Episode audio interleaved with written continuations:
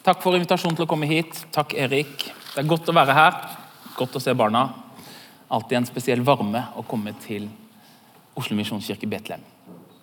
Før jeg begynner å preke over den teksten vi nå hørte lese, så skal jeg si først en ting til dere som har med noen til dåp, og så noe til dere som har, er her i dag i sorg, og som har tent et lys denne helgen. Til dere som har dåp, dere sitter altså med et barn i hendene. Gratulerer så mye med denne store dagen.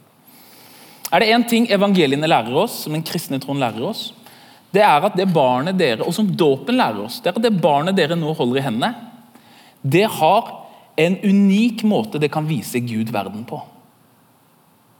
En måte som Gud bare kan vises på gjennom dette barnet.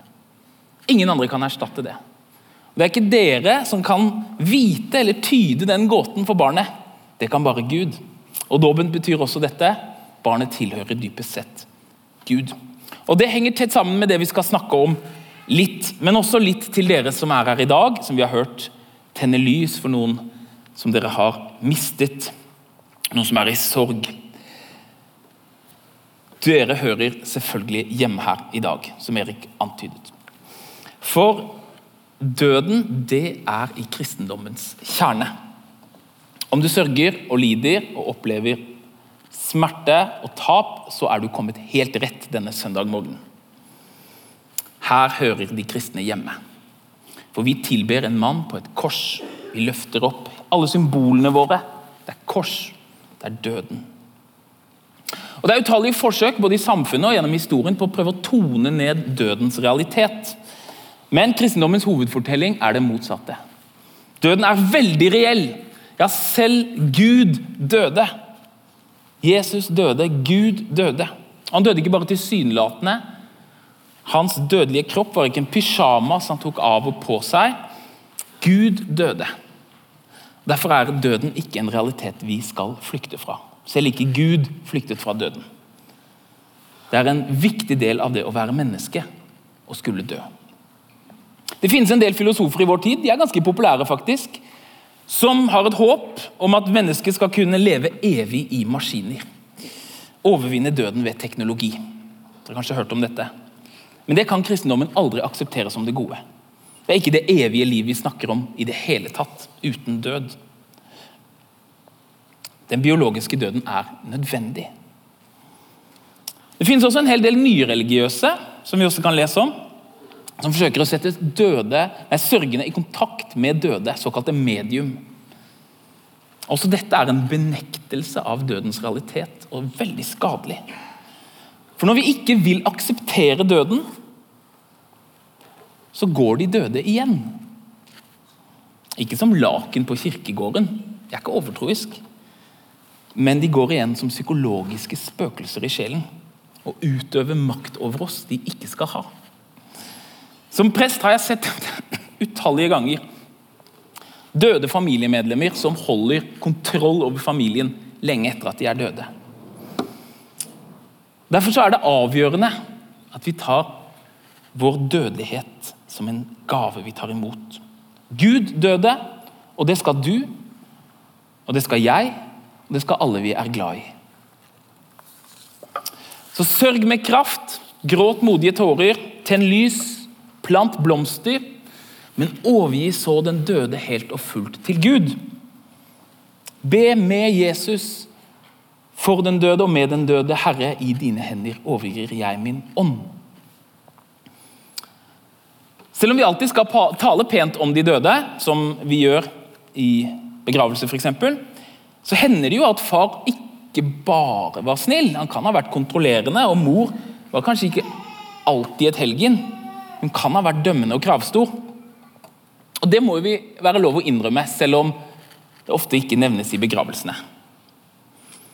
Noen går med sine avdøde foreldre eller andre som usynlige dommere på skuldrene sine, lenge etter at de er borte. De døde liksom hvisker i øret, det som gjør deg ufri. Det som ble sagt eller gjort for lenge siden, det blir usynlige bånd som hindrer livsutfoldelsen. Jeg har sett dette som prest mange ganger. Hatt hundrevis av begravelser. Og De båndene til de døde de må varsomt kuttes. Og de kan kuttes her og nå. i troen på Jesu død og hans oppstandelse. For døden er reell.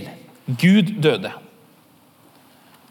Det eneste som kan overvinne døden, det er Jesu Kristi kjærlighet. Den kjærligheten som setter oss fri. Når Bibelen sier at det ikke finnes noe evig liv uten Jesus Kristus, så er ikke det sneversynt dogmatisme, som vi lett kan tro. Det er også en psykologisk nødvendighet. For at de destruktive båndene til de levende og døde mennesker rundt oss ikke skal ha evig gyldighet. Ikke det definerende ordet over vårt liv.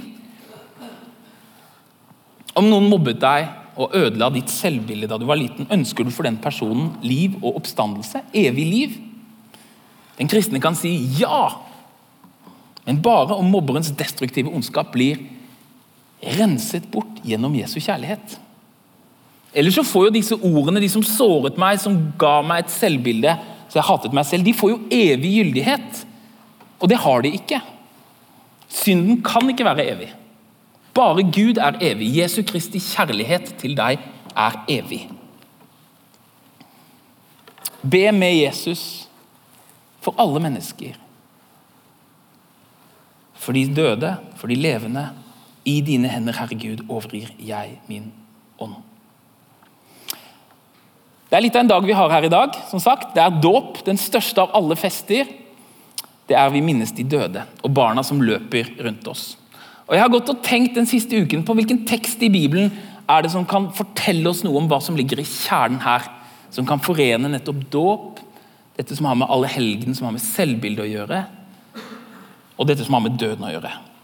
Og Derfor så ba jeg Erik om å lese denne merkelige fortellingen fra Johannes 5 om mannen som hadde ligget ved Betesta i 30 år. I 38 år. Han var syk og langt nede, og det er tydelig at noen har printet noen sånne indre selvbilder i ham, som preger ham. Noen løgner som han tror på, og som er langt verre for ham enn den fysiske lammelsen. Hvor denne troen kommer fra, om det er hans foreldre eller hans venner eller noen andre som har fortalt han at det er verdt å sitte og vente på et vagt om helbredelse fra en vanndam, det kan vi ikke vite. Men han tror på det. Og sånn er løgnaktige selvbilder. Det er ikke så farlig om de er sanne, vi tror på de. For han ligger der. Han kjøper premisset rundt Betesta, at det er de som kommer først ut i vannet, som fortjener Guds helbredelse og Guds nåde. Han er fanget av misunnelse. Vi kan høre det i stemmen hans under og sammenligning. Om jeg bare hadde hatt bedre forutsetninger, om jeg bare hadde hatt mer penger og bedre kontakter, da skulle jeg fått den helsen jeg fortjener. Da skulle jeg fått lykken. De andre de har det, men jeg mangler det. Mitt liv er tomt og dødt. Jeg er miserabel, og det er de andres skyld. Om mannen som ligger ved Bethesda hadde husket noen av fortellingene fra Det gamle testamentet, så hadde han jo skjønt at det kan ikke være Israels gud som gir sånne løfter om at den som kommer seg raskest ut i vannet ved en tilfeldighet, blir helbredet. Lottometoden eller styrkekonkurranser er ikke Israels gud. Så hva var egentlig dette vannet ved Betesta? Vi har hørt den fortellingen mange ganger. mange av oss. Hva slags vann var det? Jeg kjenner mange bedehus som heter Betesta. og Det betyr jo nådens hus. Men det er akkurat som at det er noe i denne fortellingen som ikke helt henger på greip.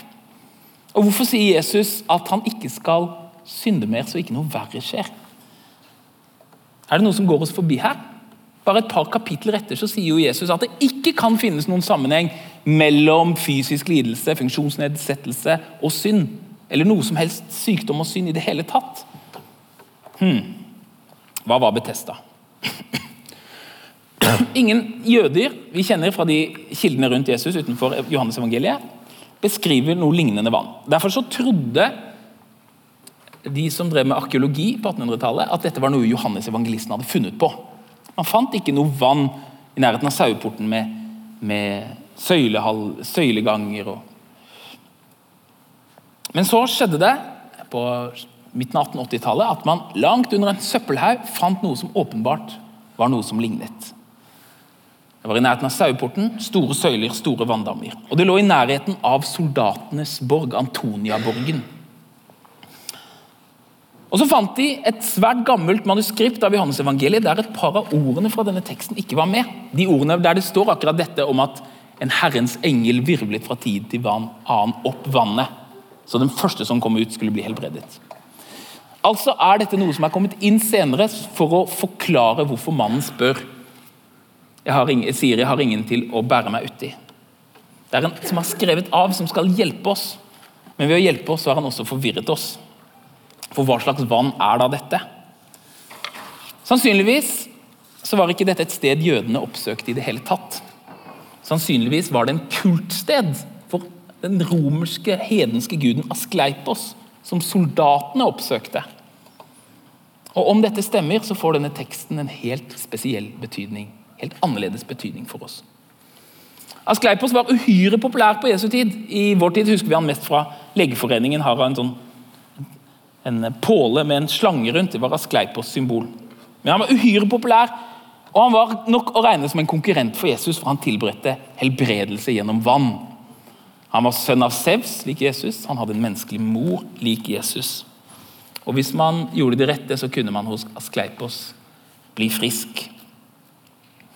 Og Her ligger altså vår mann.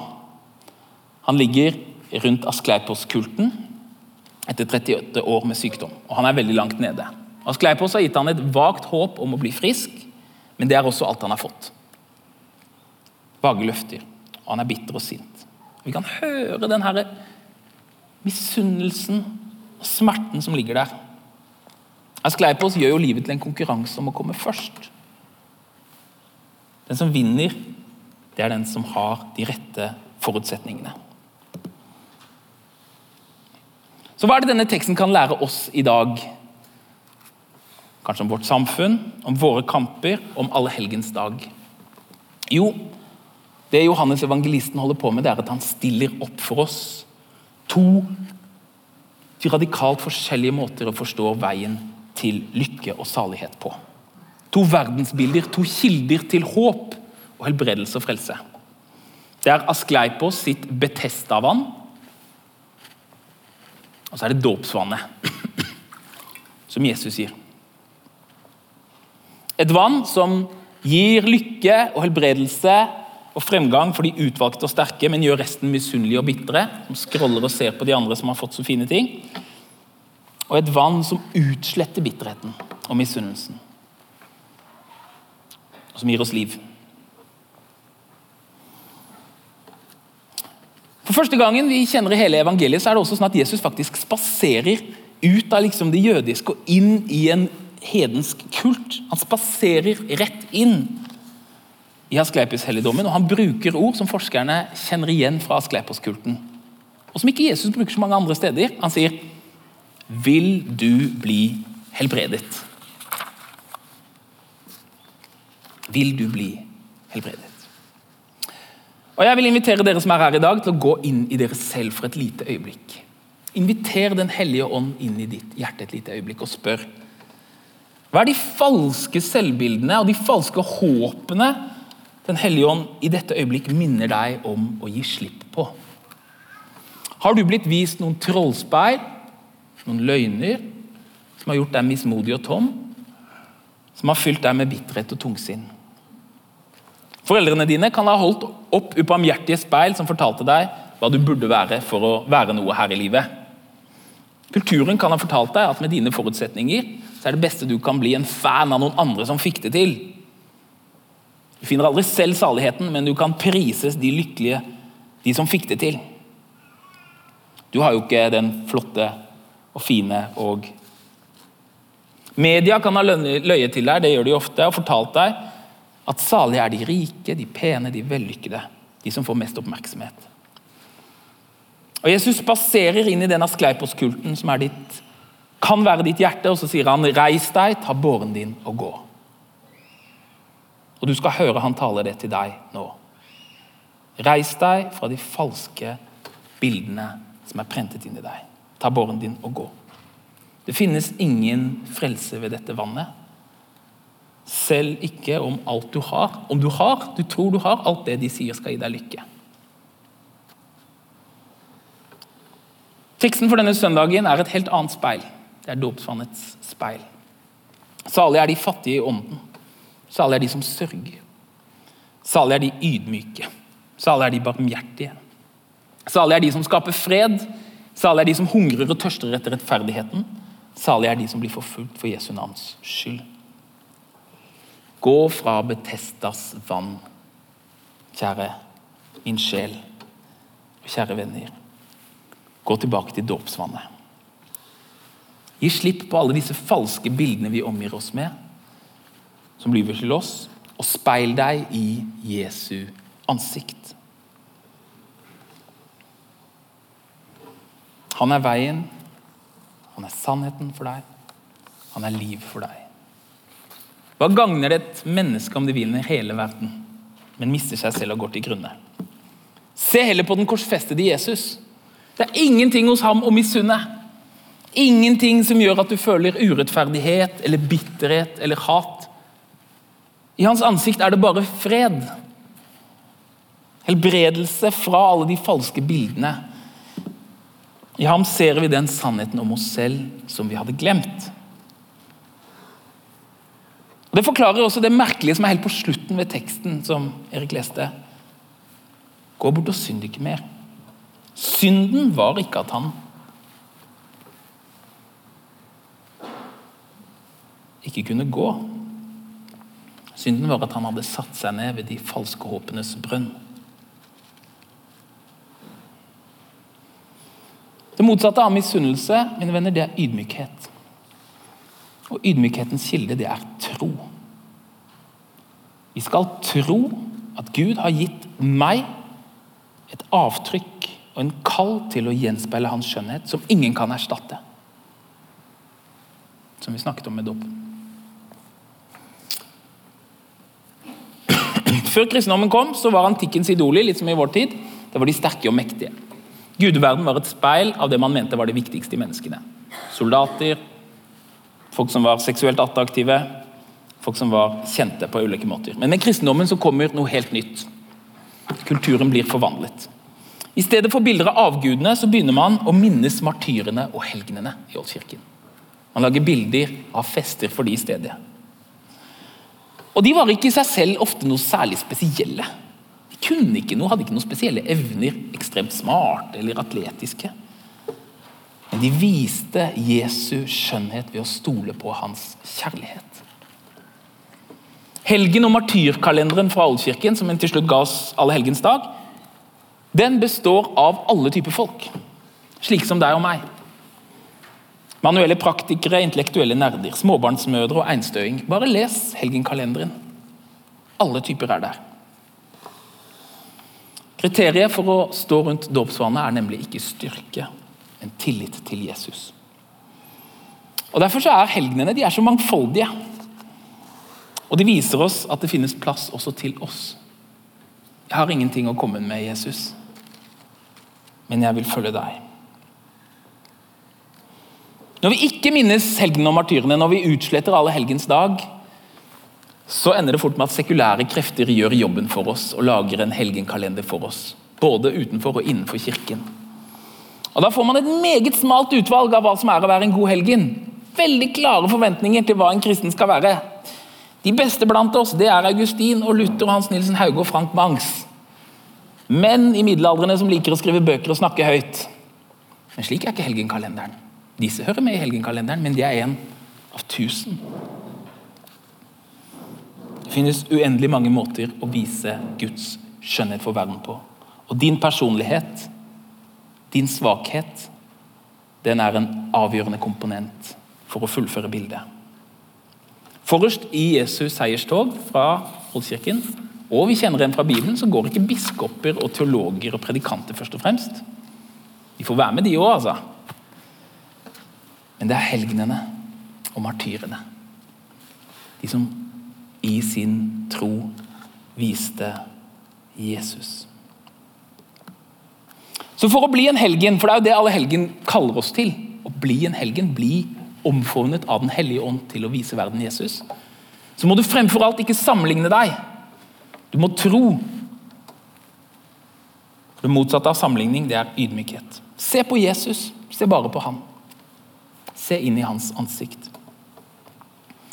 Det jeg på ungdomsskolen på KG. Det er noen her som har gått på KG, kan jeg tenke meg. Ikke sikkert, Det er en skole i Oslo. Da jeg gikk på KG i Oslo, så hadde vi undervisning med en lærer som het Ørnulf Thorsen, som var ekspert på foto. Dette var før den digitale revolusjonen, og da lærte vi å fremkalle bilder på gamlemåten. Er det noen som gjorde det noen gang? Fremkalte bilder på gamlemåten. Hvordan var det det skjedde? Jo, du hadde filmen inni kameraet. Og så måtte du passe på å ikke ta den ut i lys, for da ble den ødelagt. Det var negativer. Du måtte ta det inn i mørkerommet og gi det det rette lyset for å fremkalle bildene.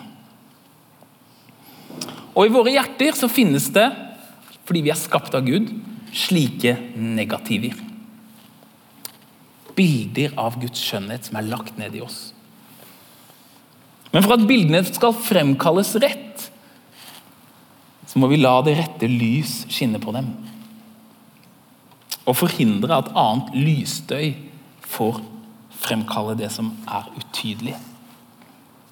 Andre stemmer prøver å fremkalle våre indre bilder.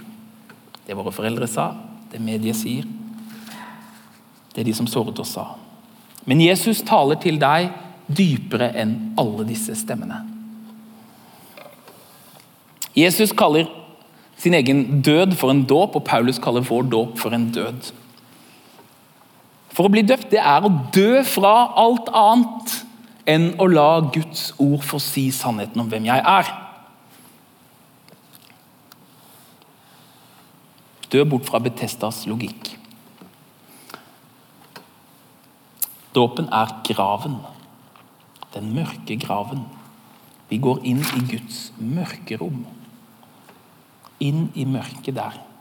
Vi tror at alt er slutt, for nå er det ingen som bekrefter oss lenger. Men der inne kommer det et nytt lys. Oppstandelseslyset. Som fremkaller ditt Guds avbilde. Jesus sier, 'Ta båren din og gå'.